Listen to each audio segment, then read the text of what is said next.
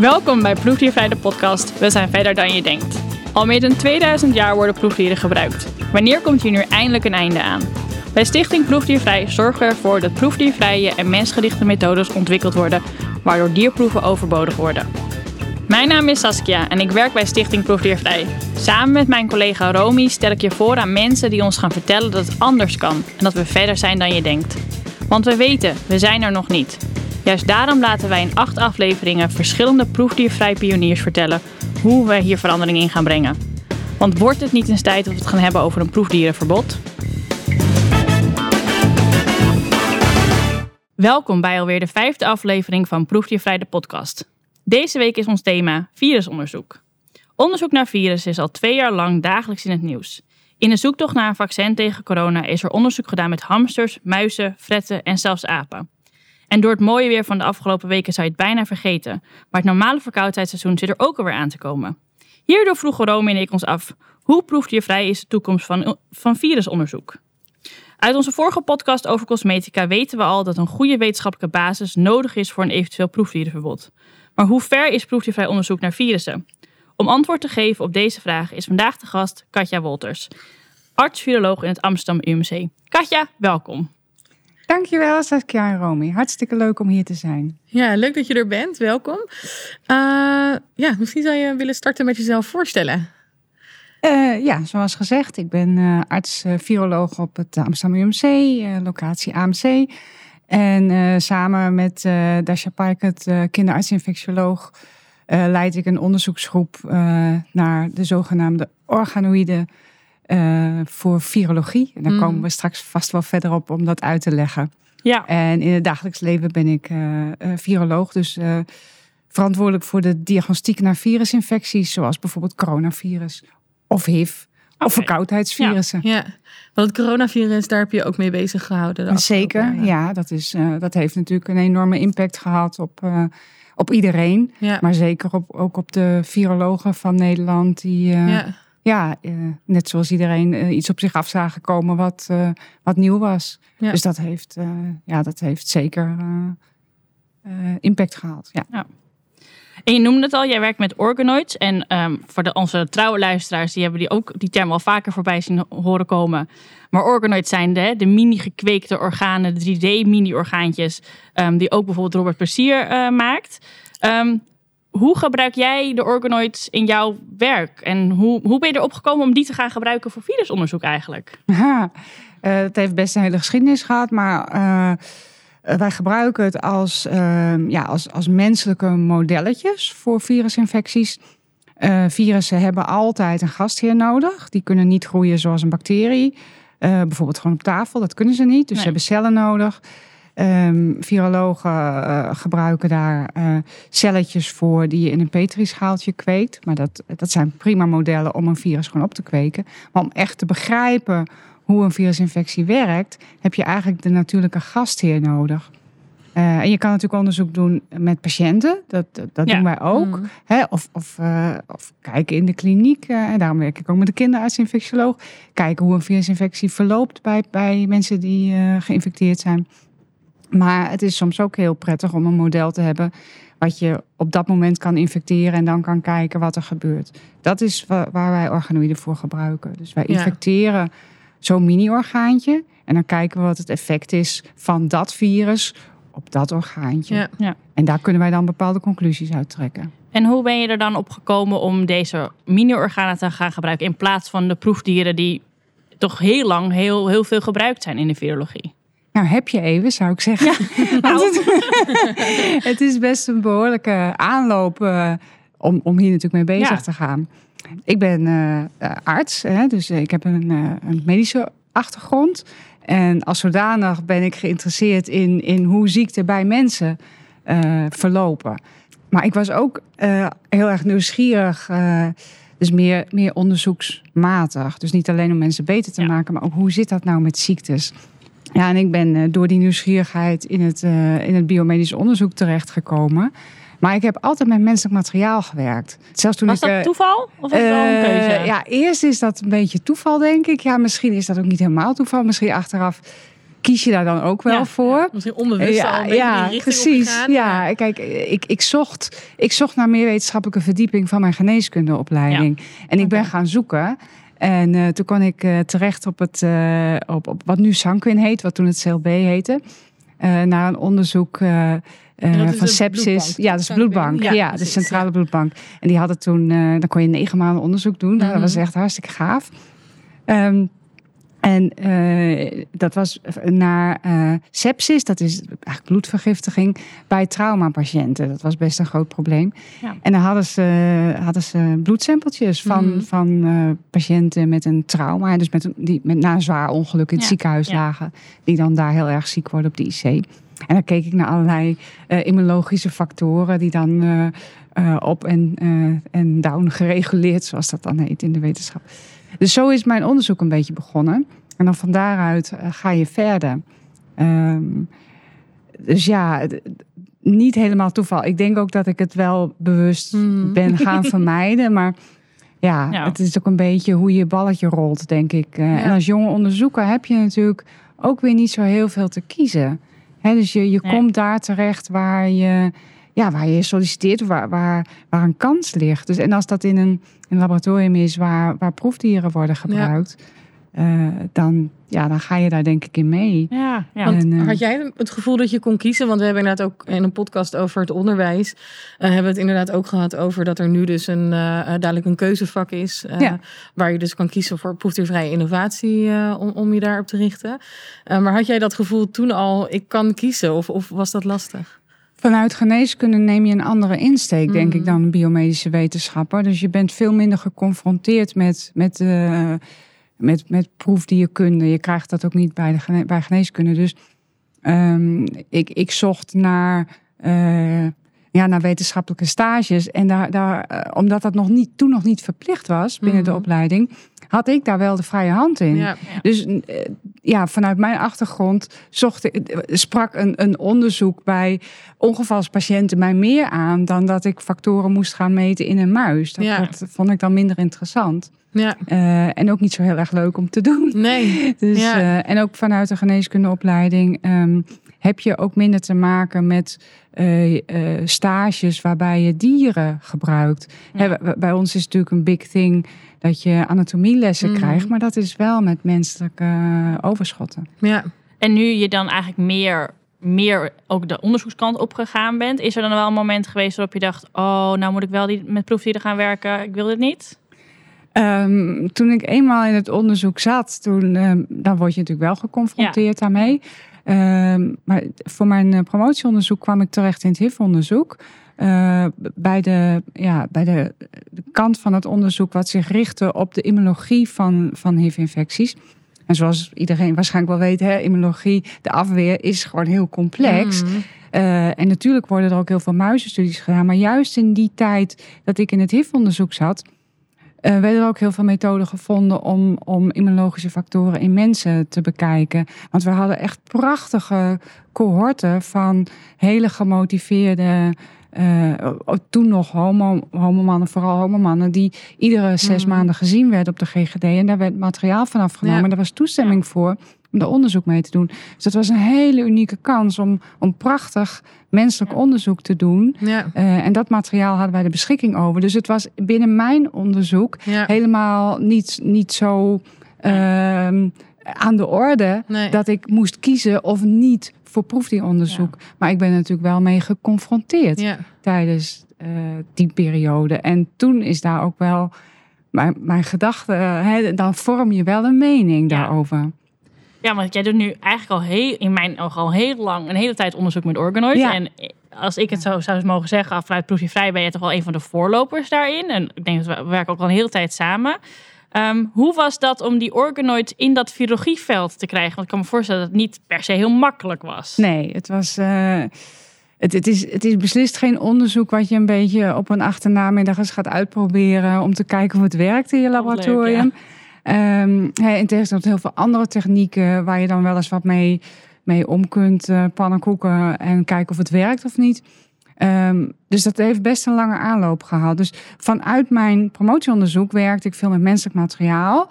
eh, maar ook met, met cellijnen. En, dus, dus niet met Hmm, proefdiermodellen. En dat was helemaal niet zo bewust. Dat waren de modellen waar wij mee werkten.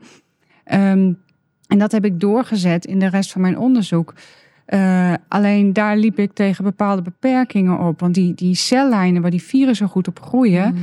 dat zijn eigenlijk hele ja, kunstmatig, of niet echt kunstmatig, hoe zeg ik dat nou? Die, die representeren niet echt het menselijk lichaam. Dat zijn cellijnen die heel goed kunnen groeien in het lab. Mhm. Vaak afkomstig van tumoren, hè, dus kankercellijnen. Eh, en die, die representeren dus niet een, eh, een menselijk orgaan. Hè. Dat, dat is af, Ja, afkomstig van een tumor. ja. Of het zijn soms ook eh, cellijnen van, van apen afkomstig. Oké. Ehm, die dan blijven doorgroeien. Want in zeg maar. virusonderzoek worden veel apen als eh, Ja, proefdier Ja, gebruikt. proefdier, ja, zeker. Ja. En die apencellen, daar groeien die virussen ook goed op. Maar er waren een heleboel vragen die wij niet konden beantwoorden in die cellijnen waar wij mee werkten. Ehm, en, en we hadden ook veel vragen vanuit het patiëntenonderzoek wat we toen al deden. Eh, en die wilden we graag beantwoorden. Dus ik zocht naar modellen om dat, eh, om dat wel te kunnen beantwoorden. En daar was wel een bewuste keuze om niet naar proefdieren te gaan. Ja. Dus, ehm, Ja. Maar dan is dat dus niet zozeer om het ethische aspect, maar echt om het wetenschappelijke aspect. Beide. het- ja, toch Ja, beide. ik wilde Ja. niet. eh, ik wilde ook niet met proefdieren werken. Mijn laboratorium was er ook niet goed geoutilleerd voor. Eh, het, het was ook niet iets wat ik aan nastreven was van, oh, nou laten we daar een muis voor bouwen. Nee. Ehm, ik dacht van, nou, er moet toch iets zijn waar, waarmee we deze vragen kunnen beantwoorden. En dat, dat antwoord Ja. kwam ook. Ehm, dus Ja. ik ging in 2009, dus zo lang is dat geleden, ging ik naar een congres in, eh, in Taiwan. Eh, op griep was dat. En, eh, en daar was eigenlijk heel terloops. Want dat, op dat moment was de Mexicaanse griep was een groot ding. En iedereen was, nou ja, met elkaar aan het discussiëren over wat dan het beste model was.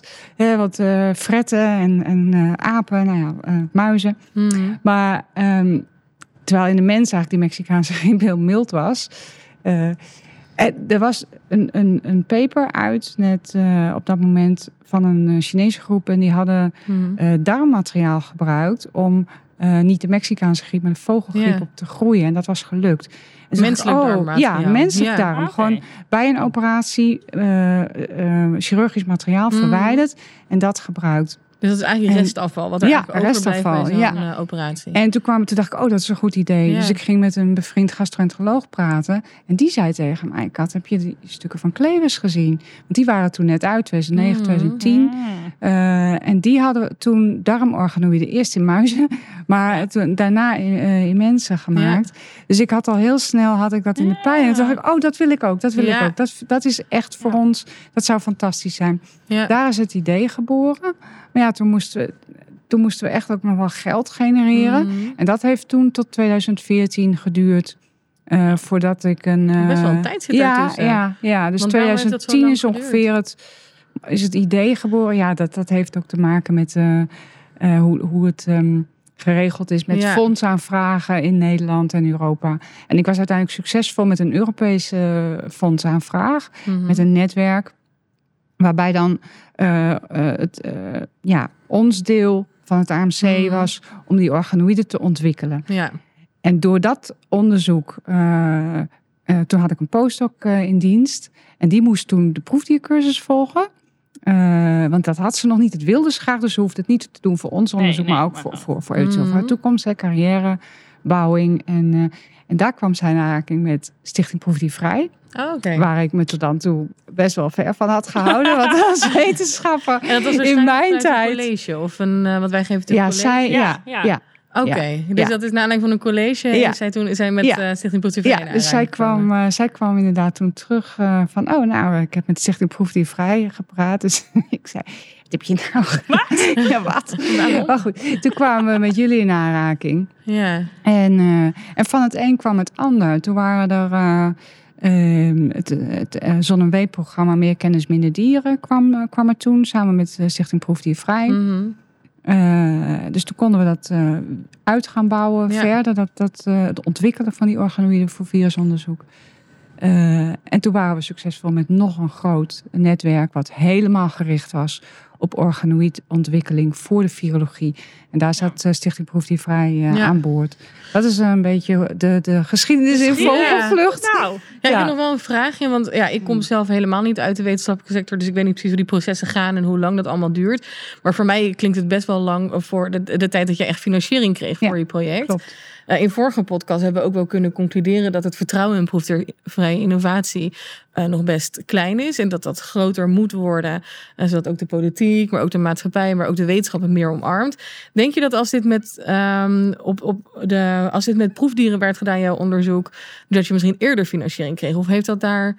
Ja, zeker. De, de eerste commentaren waren natuurlijk toch dat het, eh, dat het ja, niet haalbaar was en dat we geen pilots hadden om te laten zien. Ja, dus dat, dat, eh, dus de, ja, de manier waarop die financiering in elkaar zit, is het soms lastig om, eh, eh, om voor een nieuw idee eh, financiering te krijgen. Ja. En hè, wat, wat, je, eh, wat je meestal doet als wetenschapper, is dat je een pilot opzet met een bepaald. Met als iets nieuws Mhm. is, probeer je eerst een proof of principle te maken. ja, Ehm, en dat hebben we uiteindelijk ook gedaan. We hebben contacten gelegd met het Klevers Laboratorium. En daar zijn we gewoon mee aan de slag gegaan. ja, Ja.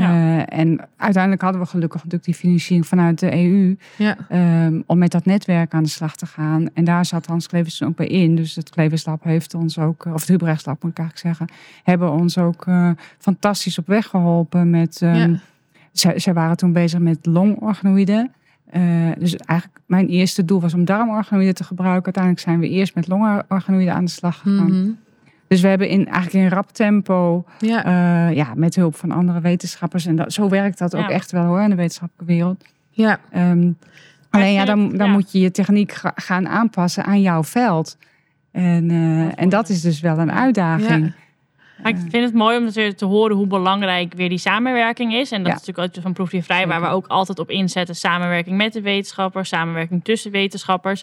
Over verschillende velden heen inderdaad. Want je zegt, je, moet het dan, je haalt het eigenlijk uit een ander gebied, onderzoeksgebied gehaald. En dan haal je het naar de virologie. Dan moet je het natuurlijk aanpassen aan jouw veld. Maar je hoeft niet op nul te beginnen. Want Nee. je kan het ergens anders vandaan halen. En dat, ik denk dat dat heel belangrijk is. En ehm, wat we ook steeds vaker zien is dat Mhm. uh, mensen vaak de neiging, onderzoekers vaak de neiging hebben heel goed te zijn in hun eigen veld. En dan vergeten dat de buurman op, de, op de, eh, het kantoor daarnaast ja, de informatie eigenlijk ook iets heel relevants doet. Maar Ja. dat heeft dan net een ander naampje. Dus Herken Ja. je dat ook? Ah ja, absoluut. Maar dat is ook echt wat ik heel erg leuk vind aan de wetenschap. Ja. En dat houdt mij ook eh, steeds opnieuw bezig. Ja. eh, zeg maar. Toen ik mijn promotieonderzoek begon, begon ik aan een heel ander onderwerp dan, dan waar ik mee geëindigd ben. Omdat mijn, mijn PI, hè, de, de- de- het Mhm. hoofd zeg maar, Ja. van het onderzoek, en je, promotor, die, die eh, was juist kei goed daarin om eh, ook naar andere velden te kijken. En die kwam op een gegeven moment echt met zo'n met een waanzinnig idee terug. Ja, Eh, en dus dat, dat heeft mij ook wel geïnspireerd. Ehm, ja. Ja, eh, en sowieso de manier waarop hij, het is- Frank Miedema eh, is dat, ehm, nadacht over hoe, hoe pakken we dit probleem aan. Altijd vanuit de context van de humane immunologie. ja. Dat is voor mij een enorme inspiratiebron geweest. ja. Eigenlijk veel meer dan mijn eigen veld nu, de virologie. Eh, wat, wat heel erg proefdiercentered is. Wat trouwens voor de immunologie ook geldt hoor. De immunologie is ook Ja. heel erg Mhm. hangt ontzettend. Ik zeg altijd, ze hangen ontzettend aan hun proefdieren. ja. Ehm, maar door te werken met, met mensen die, eh, ja, die dan op een andere manier denken. ehm, Ja. ja. dat heeft mij als jonge onderzoeker erg geïnspireerd. ja, jij bent heel erg geïnspireerd door, jou, door jou, jouw, jouw voorgangers, jouw, jouw promotoren. Gaat zo. Hoe probeer jij die inspiratie een beetje door te geven momenteel? Ja, dat is zeker wel een doel. Ik ben nu natuurlijk niet beslist geen junior onderzoeker meer. Hè, dus established senior. Eh, maar eh, nee, dat, dat is zeker iets eh, waar wij heel erg over nadenken. Ik, ik zeg wij, omdat ik, ik doe veel samen met, met mijn partner in crime, eh Dasha dus dit is zeker voor ons een heel belangrijk onderwerp. Hoe, ehm, eh, ja, hoe, hoe, hoe, hoe zet je jezelf neer? Hoe, hè, hoe positioneer je jezelf? Ben je een rolmodel? Wat wil je overdragen? Ehm, hè, dus dat, dat is voor ons heel belangrijk. En dat, dat doen wij ook in het kader van ons eh, netwerken. Met eh, Organoveer is een EU-netwerk. Het is ook ge- gefinancierd door de EU Research Council. Mhm. Waarbij die trainingscomponent heel erg belangrijk Ja. is. Ja, wat kan je kort iets vertellen over Organover, wat Ja. dat is? Organoveer is een, ehm, is, nou ja, een, een trainingsnetwerk, Mhm. heet dat dus. eh, gericht op eh, de ontwikkeling van organoïden voor virusonderzoek. Eh, dat doe je dan met, met verschillende partners uit verschillende EU-landen. Ehm, en die, die nemen allemaal één of twee jonge onderzoekers in hun groep. die op weg zijn naar een promotie. Hè, dus binnen een promotieonderzoek Mhm. eh, met een bepaald onderwerp. En dat onderwerp dat moest eh, gericht zijn op eh, virusonderzoek en, en organoïden daarvoor. ja. Dus we hebben bijvoorbeeld de Poolse groep die, die toen al werkte aan coronavirus. Dit was voor, de, voor, voor COVID. Een hip voor de en, ja, en zij hadden, zij hadden luchtwegmodellen. en Ze waren geïnteresseerd in, in darmmodellen. ja. Nou, mijn eigen groep werkt aan wat dan humane picornavirussen heet. Dat weet niemand wat het is. Maar als ik zeg poliovirus, dan weten de meeste mensen dat wel. Ja. ja. Wij werken zelf niet aan poliovirus. eh, Mhm. maar wij werken eigenlijk aan de neefjes en nichtjes van, eh, van poliovirus. Oké, Poliovirus is bijna de wereld uit. Ehm, hè, dus wij werken aan de virussen die, Ja. die wij ook nog veel zien in onze patiënten. Mhm. Ehm, en dat, ja, dan werk je dus samen in zo'n netwerk. En, hoe groot is dat netwerk? eh, het bestaat uit 15 partners. Mhm. Hè, dus 15 verschillende instellingen. eh, wat deels virologische laboratoria zijn, maar ook eh, instellingen eh, zoals bijvoorbeeld het RIVM zit aan boord. We hebben ook Universiteit Leuven, die een, een, een PhD-student heeft die werkt aan de ethische aspecten van organoïdonderzoek. Uh, Stichting Proef die Vrij zit daarbij. Hè. Dus er, zitten hele, er kunnen hele verschillende partijen ja. aan boord zijn. Uh, dus we hebben niet alleen maar AIO's die in het lab werken, maar ook uh, een AIO die aan aspecten werkt en een AIO die aan, uh, aan de businesskant werkt. Van ja. hoe gebruiken biomedische bedrijfjes zo'n nieuwe technologie nou? Wanneer wordt ja. dat interessant om, om een bedrijf mee op te zetten? Dus dat zijn ook hele ja. leuke aspecten. Ja. En de loopt bijna op zijn eind. Ja. We, deze uitzending wordt uitgezonden op vrijdagmiddag. Dat is de laatste dag eigenlijk ja. van Organoveer. Ja. Dus uh, we hebben het net afgesloten. Kan je heel kort, wat, wat, wat heeft, is jou het meest bijgebleven van, het is ondertussen vier jaar, vijf jaar lang Organoveer? Ik vind de, de kracht van, van, uh, van samenwerken in zo'n netwerk, dat, dat uh, ja, verrast mij iedere keer weer. En ik vind dat ook echt fantastisch. Ik denk dat we met Organoveer een heel uh, nieuw, nieuwe manier hebben neergezet. Uh, om, die, om het trainingsaspect ja. binnen, die, binnen zo'n EU-netwerk vorm mm -hmm. te geven. Dus um, er is een heel speciaal uh, trainingsprogramma opgezet samen met de Amsterdam School of Business. en dat, daar zit bijvoorbeeld een, een, een een soort MBA-module, niet, niet een volledige, want daar heb je natuurlijk gewoon een paar jaar de tijd voor, maar er zitten bepaalde modules mm. uit zo'n MBA. Dus meer de businesskant uh, zit daarin, maar ook bijvoorbeeld een personal development plan. Uh, uh, waarbij je de, de, onderzoekers, dus de, de, de klassieke manier van onderzoeken, waarbij je een, een, promotieonderzoek doet, is gewoon keihard werken en zeggen wat je, wat je PI doet, hè, om ja. maar heel erg te chargeren. Ja. Wat wij uh, hebben geboden is dat ze binnen Organovier een, een setting hebben met een personal development coach. Die ze eens in de zoveel tijd zien met mm -hmm. elkaar. Okay. Ze hebben ook de gelegenheid om, uh, ze hebben een mentor aangewezen, uh, dus ze hebben gelegenheid om met een mentor te, pra te praten. Dus een heel traject van coaching en ja. mentoring, waarbij ze ook elkaar helpen. En, uh, en dat is echt wel nieuw. Ja, en dan, je had het over business en wetenschap. Ja, voor mij ja. klinkt dat dan business en weet ik, zit nu even mijn handen uit elkaar. en business en wetenschap ver uit elkaar.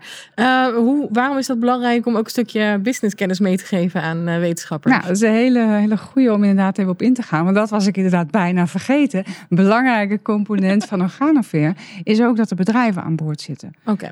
Uh, dus niet alleen maar academische instellingen, maar ook uh, bedrijven die dan ook een jonge onderzoeker opnemen op weg naar een promotieonderzoek. Ja.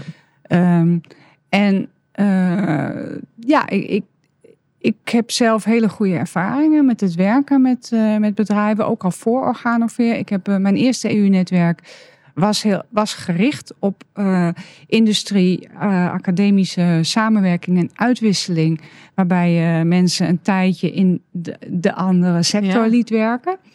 En uh, hoewel ik eerst wat sceptisch was, dat ik dacht, hey, nou ja, die bedrijven, het gaat alleen maar over geld. Uh. Mm. Maar um, uh, uiteindelijk kun je ontzettend veel van elkaar leren. En ik denk ook echt dat je elkaar nodig hebt. He, want natuurlijk, wetenschap hoort onafhankelijk te zijn. Ehm, maar de realiteit is dat, dat je niet vanuit alleen maar overheidsgelden je onderzoek kan Nee. draaien. En ehm, eh, de samenwerking met de industrie Ja. levert wel hele, eh, vaak hele efficiënte projecten op. Eh, er zitten vaak ontzettend goede mensen om mee te werken. Mhm. Dus het, Weer een ja, andere visie. ja, en, ja. ja. Ja. En, eh, dus dat, dat eh, werkt, eh, vinden wij heel goed. Ja. Ja, ik vind het wel mooi, want we horen nu terug dat samenwerking is heel belangrijk. Opleiden van nieuwe onderzokers is heel belangrijk. Financiering is heel erg belangrijk. Ja. En dat zijn allemaal, denk ik, factoren die bijdragen aan hè, wat we dan de transitie Mm. naar proefvrije innovatie noemen. Ehm, waar we het nog niet zo heel erg over gehad hebben, wat ik eigenlijk al wel noemde in de, in de inleiding, is natuurlijk de wetenschappelijke ontwikkeling van proefvrije innovatie. Hoe staat het daarmee? Ehm, ik weet dat jij gekeken hebt heel specifiek naar het gebruik van proefvrije innovatie in COVID-onderzoek, dus in, in het corona-onderzoek de Ja. afgelopen jaren. Hoe, hoe staat het er eigenlijk mee? Ben jij de enige die organoids gebruikt in virologie nee, gelukkig niet. Eh, het begint door te dringen. Maar om nog heel even dan door te Ja. gaan. Want wat mij is opgevallen, hè, dus startend eh, als, als een van de eerste, denk ik, met, eh met organoïden voor virologie. Dat we juist vanuit de industrie en het bedrijfsleven veel meer medewerking en enthousiasme ontmoeten Mm. dan vanuit mijn eigen veld.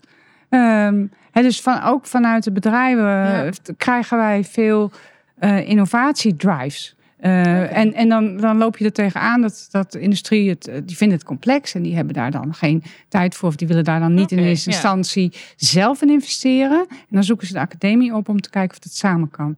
Terwijl vanuit de, de virologie, ja, ehm, hadden we eigenlijk organoïden nodig dan. We, hadden, we hebben toch proefdieren.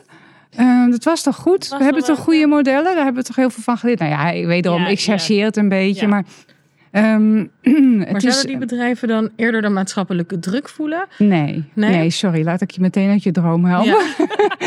Nee, dat heeft te maken met eh, eh, bedrijven denken vaak natuurlijk eh, wat, wat efficiënt economischer. Ja. Ehm, en als je het hebt over onderzoek naar het doen van. eh, eh, of of nou, onderzoek naar, naar eh, ontwikkeling van antivirale middelen. ja, dat is natuurlijk niet echt een successtory. Hè? We hebben als virologen in, het, in de kliniek, wat ik natuurlijk ook Mhm. ben, eh, heb ik eigenlijk teleurstellend weinig nieuwe middelen zien komen. Ja, voor HIV, hè, daar, Ja. daar zat heel Mhm. veel ontwikkeling op. Maar het feit dat, dat ik een eh, CMV-infectie bij een hematologiepatiënt, dat dat nog steeds lastig te behandelen is en dat voor heel veel virussen nog helemaal geen middelen zijn. Nou, dat onderzoek, eh, daarvan weten de farmaceuten dat de ontwikkeling gewoon lastig is. En de vertaling van, van eh, als je een, een, een middel hebt wat, wat in die petrischaaltjes waar we het net over hebben, Ja. goed werkt tegen dat virus. Ja. Om het dan als een goed werkend eh, medicijn op de markt te krijgen, daar zitten heel veel stappen in. En met name die vertaalslag van het eh proefdieronderzoek, wat Mhm. overigens gewoon verplicht is hoor, eh, naar de kliniek, dat is echt heel slecht. Ja. Ja. Dus zij voelden eigenlijk veel eerder die pijn Ja, van dat exact. het niet goed ging. Ja. Ze verloren gewoon geld. Ja, Ja, inderdaad. Gewoon hun winst Ja. ging Ja, eraan. als, je, als je vertaalslag maar eh, minder dan 10% is, moet, ja, ik, ik kan het niet eens goed uitrekenen, maar een businessman zal dat zo goed kunnen denk, uitrekenen. Hè, dus, dus inderdaad, zij Ja. voelen die pijn veel meer. Terwijl eh, ik denk dat de, de, de noodzaak vanuit het virologisch onderzoeksveld in die zin wat minder is. Om, en dan ga ik toch even iets eh, van mijn eigen mening daarover zeggen. Want dat mag ook in een podcast, Ja, denk ik. zeker. Omdat men toch wel eh, erg veel eh, geloof hecht aan, aan eh, uitkomsten van proefdieren. Ja. Daar wordt weinig aan getwijfeld, laat ik Ja. dat zomaar zeggen. Ja. Ehm, in ieder geval. Maar, maar als je dan die vertaalbaarheid aankaart, is dat dan niet een reden om, om te zeggen van nee, het werkt inderdaad niet goed of er komt te weinig goede komen te weinig goede resultaten uit? Ehm, dus die discussies hebben we natuurlijk wel. Ehm, maar ja, je ziet zeker in de COVID-tijd dat, dat je toch weer een, eh, nou ja, een, een, een stap terug doet. Hè. Dus eh, er er komt een soort crisis. En dan gaat iedereen aan de slag met de modellen Mhm. die hij toch al had. ja. Voor het ene lab is dat een fret en voor het andere lab is dat een aap en de hamsters, et cetera, Ja. et cetera. Ehm, tegelijkertijd geeft zo'n COVID-uitbraak ook weer een mooi moment voor eh, echte innovatie. Dus we zien juist in het COVID-onderzoek, en daarom hebben we daar ook daarna gekeken, Ja. omdat je zo'n mooi, mooi, moment hebt van het Mhm. ontstaan van een virus, zien we dat die organoïden wel degelijk hun intrede hebben gedaan. Oké. En uh, wat ik ook zie, is dat de, de organoïden um, ja, binnengekomen zijn in de velden waar het heel moeilijk is om een proefdier te hebben.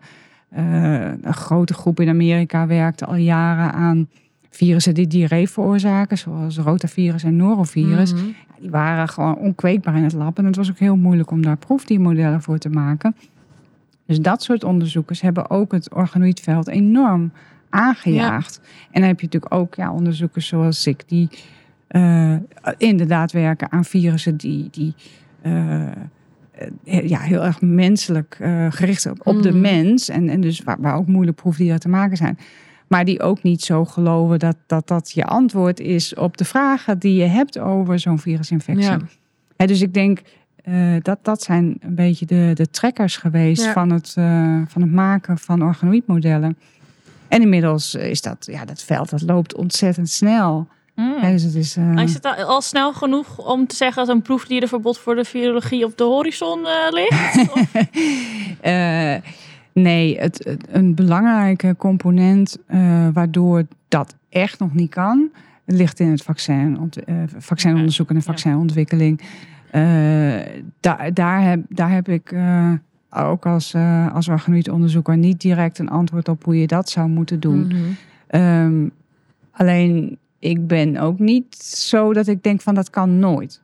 Ehm, hè, dus eh, ja, zeg nooit nooit, denk ik Ja. dan. Eh, dat- de- er zijn, ja. Die ontwikkelingen gaan zo ongelooflijk snel. Ja. Eh, kijk, toen ik begon met presentaties over organoïd werk met virologie... en ik liet dan zien dat we heel Mhm. goed die virussen konden kweken op echt menselijk weefsel... wat ik zelf super spectaculair vond. Heel veel mensen vonden Ja. dat ook spectaculair.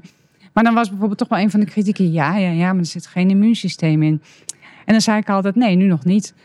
Uh, Maar inmiddels kunnen wij, dat kunnen Ja. wij. Hè? Dus je je kan gewoon ook weer immuuncellen uh, En over bij zo'n voor periode hebben we het dan? De... Um, ja, dit, dus onze eerste uh, data kwamen zo'n beetje in 2018 echt Ja. naar buiten. Uh, nou ja, het is nu uh, 22. Ja. En uh, we kunnen, we kunnen. Dus we zijn begonnen met, met uh, luchtwegepitheel en darm. We hebben nu ook mini-breintjes. Mhm. Ehm, we kunnen uh, immuuncellen erbij doen. We kunnen de, de modellen zijn beter geschikt voor virologie. Ja. Um, dus er is, er is ook in, in mijn, uh, mijn veld heel veel ontwikkeling geweest. Ja. Maar buiten mijn veld zie je ontzettend veel ontwikkeling op het steeds uh, beter, het echt compleet menselijk model maken. Dus het koppelen van verschillende organen aan uh, bloedflow, aan uh, immuunsysteem, Ja. et cetera, et cetera. Dus Want dat, Dat is, is- vaak wel een van de eerste argumenten ja. die eh, wetenschappers hebben die Ja. weerstand hebben tegen Ja. ja. proefvrije innovatie. Ja, maar we kunnen het niet in een geheel nee. eh, Het is maar een klein stukje. Het is maar een klein Ja. stukje. Je weet Ja. niet wat het met de knie doet als je daar eh, iets test. Ja. En dat is ook zo. ja. Maar het is niet zo dat je dan per definitie, als je een heel organisme hebt, dat, je die werkt. antwoorden dan wel hebt. Nou, Want een immuunsysteem van een, van een muis is totaal anders dan Ja. van, een, eh, van, van een mens. En zelfs van apen. Ik bedoel, het hele HIV-vaccin in eh, eind jaren negentig heeft gefaald. Omdat er werd, maar werd aangenomen dat het, dat het vertaald kon worden. ja. Wat, ze, wat er geza- eh, gezien werd in makaken naar de mens. En dat bleek, dat bleek Niet. echt een mislukking. Uh, nou ja, het is duidelijk dat er nog flink wat werk aan de winkel is om, uh, ja, om, om alle proefdieren uh, de wereld uit te krijgen. Laten we beginnen met Nederland, om ze Nederland uit te krijgen. Um, maar we zijn wel een stuk verder dan je denkt, in mijn ogen, mijn niet-wetenschappelijke ogen. Zie jij dat ook zo? Um, veel mensen hebben toch nog een beetje wat ik al noemde, dat vertrouwen wat ze nog niet hebben in proefdiervrije innovatie. Gaat het wel lukken? Um, jij zei net al, ik zeg nooit nooit. Nee, ik, uh, ik ben op zich een optimistisch uh, mens. Dus daarom uh, werken wij ook enthousiast verder met deze methodes. Mm. en hebben we daar ook het volgende grote netwerk alweer op. Gut Vibrations, waarbij we alle bouwsteentjes die we nu hebben aan elkaar koppelen. Het is een hele technische manier om, om gewoon betere modellen te maken. Mm. Niet alleen voor virologie. Maar soms dan zinkt de moed me ook weer in de schoenen. Ja? Dus het, uh, ja, uh, er, wordt, hè, er wordt gewoon toch nog steeds ontzettend veel proefdieronderzoek ja. gedaan. waarvan ik niet altijd overtuigd ben dat het moet. En ik denk dat je daar kunt beginnen als je het Ja. dan hebt over een proefdierverbod. Waarom moet je nog proefdieronderzoek doen met, met eh, geneesmiddelen die al lang getest zijn in de mens? En dat hebben wij ook gezien bij COVID. Dat, eh, en dan wordt er gezegd van ja, maar er is nog geen, eh, geen fase 2 gedaan. Nee, maar sorry, maar dat middel is al lang, wordt al lang gebruikt bij de mensen. Dan hoef je dat toch niet nog een keer in de muis aan te tonen dat het veilig is. Ja. Dus ik denk, als je het nou hebt over proefdierverbod, begin daar dan eens mee. Ja. En wees toch echt strenger als, als DEC. eh dus de, de, de dierethische commissies. Maar ja, dan ga ik ook meteen, hè, we hebben het over Nederland. Misschien is dat in Nederland best wel goed te reguleren. Mhm. Ik kom net terug uit Amerika, naar een congres.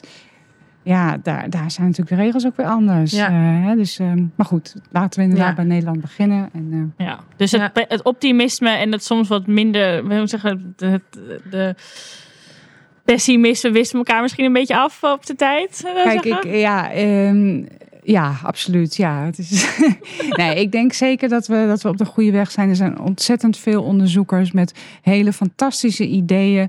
Er worden hele prachtige modellen gemaakt. Mhm. En zeker is het zo dat er natuurlijk veel onderzoekers die met proefdieren werken, ehm, hè, ook echt eh, eh, dat heel goed kunnen motiveren waarom ze daarmee werken, welke vragen ze beantwoorden en daar heel goed mee bezig zijn. En ook Ja. daadwerkelijk fantastische data daaruit halen. ja. Eh, ik denk alleen wel dat je de open discussie moet voeren. eh, eh, dat het niet altijd het geval is en dat daar wel je winst ligt. Ja. Hè, dat je, als je denk- ja. toch nog daarop strenger Die open houding zijn. is heel belangrijk. Wat je ook zei, nooit, zeg nooit nooit. En dat is iets dat wij ook in onze, als proefdiervrij in de gesprekken die wij voeren Ja. tegenkomen. Dat mensen heel vaak, ja, maar het kan nu niet. Ja, oké. Ehm, maar dat betekent niet dat het inderdaad niet ooit wel kan. En Nee. is dat dan een reden om niet te gaan blij- blijven zoeken naar hoe het anders zou kunnen? Omdat je niet Ja. gelijk het, on- het antwoord voor je ziet, betekent niet dat het er niet is. Klopt. Ehm, We moeten de nee veranderen in, in een nog niet. en nog niet. Nog Ja, niet? nog Ja. niet. Ja. Ja. We zijn Ja. verder dan je denkt, maar we zijn er nog niet. Ja. En dat is realistisch. eh, ja. Ja. Eh, maar toch ook wel, we mogen ook wel een beetje idealistisch zijn. En dat moet ook wel om eh, dit te kunnen behalen. En we hadden het over vaccins, maar er zijn al netwerken die bezig zijn met het maken van humane modellen voor vaccinonderzoek. Oh, dat dus dat soort. En het, het gaat er niet alleen om het bouwen van organoïden, maar ook vanuit de systeembiologie en de, en de eh, computer sciences ja. kan men al veel meer, eh, in ieder geval veel meer dan ik kan overzien, want Ja. ik overzie die velden niet. Maar hè, dus eh, ook daar geldt voor die samenwerking. Dus over vier jaar spreken Dat we is wel weer. En echt, dan, ja. eh, ja. Ja, dus wij proberen ook nu in Oeh, contact te komen met, eh, met, met dergelijke, Interessant. Ja. Ja. dergelijke onderzoekers om te kijken waar, waar zij staan en of we kunnen Ja. bundelen en het verder kunnen brengen. Ja, ik denk dat wij een heel mooi overzicht hebben van een proefdiervrij onderzoek in de virologie, maar zelfs nog een stukje breder. Leuk ook om te horen waar je motivatie vandaan komt en dat het ook echt wel dat ethische aspect meespeelt. Eh, jij als luisteraar, eh, vond je dit interessant? Heb je er ook een mening over? Laat het weten onder onze social posts. Eh, we gaan het uiteraard delen op onze LinkedIn en Instagram. En we proberen op Instagram nog wat leuke beelden bij te voegen van, van Katja. En natuurlijk haar onderzoek. Ja, dan was dit allemaal weer voor aflevering 5 van Proefdiervrij de podcast. We zijn verder dan je denkt. Bedankt voor het luisteren. Ehm, bedankt namens mijzelf, maar ook namens Romy en natuurlijk namens Katja. Ehm, vergeet niet, dit is een achtdelige reeks. En elke laatste vrijdag van de maand om 4 uur wordt een nieuwe aflevering gepost. Ehm, dit was de aflevering over virusonderzoek. Onze volgende aflevering gaat over veiligheidsonderzoek in voedselonderzoek. Ja, dus eh, tot de volgende keer. Tot de volgende keer. Bedankt Katja dat je erbij was. Dankjewel.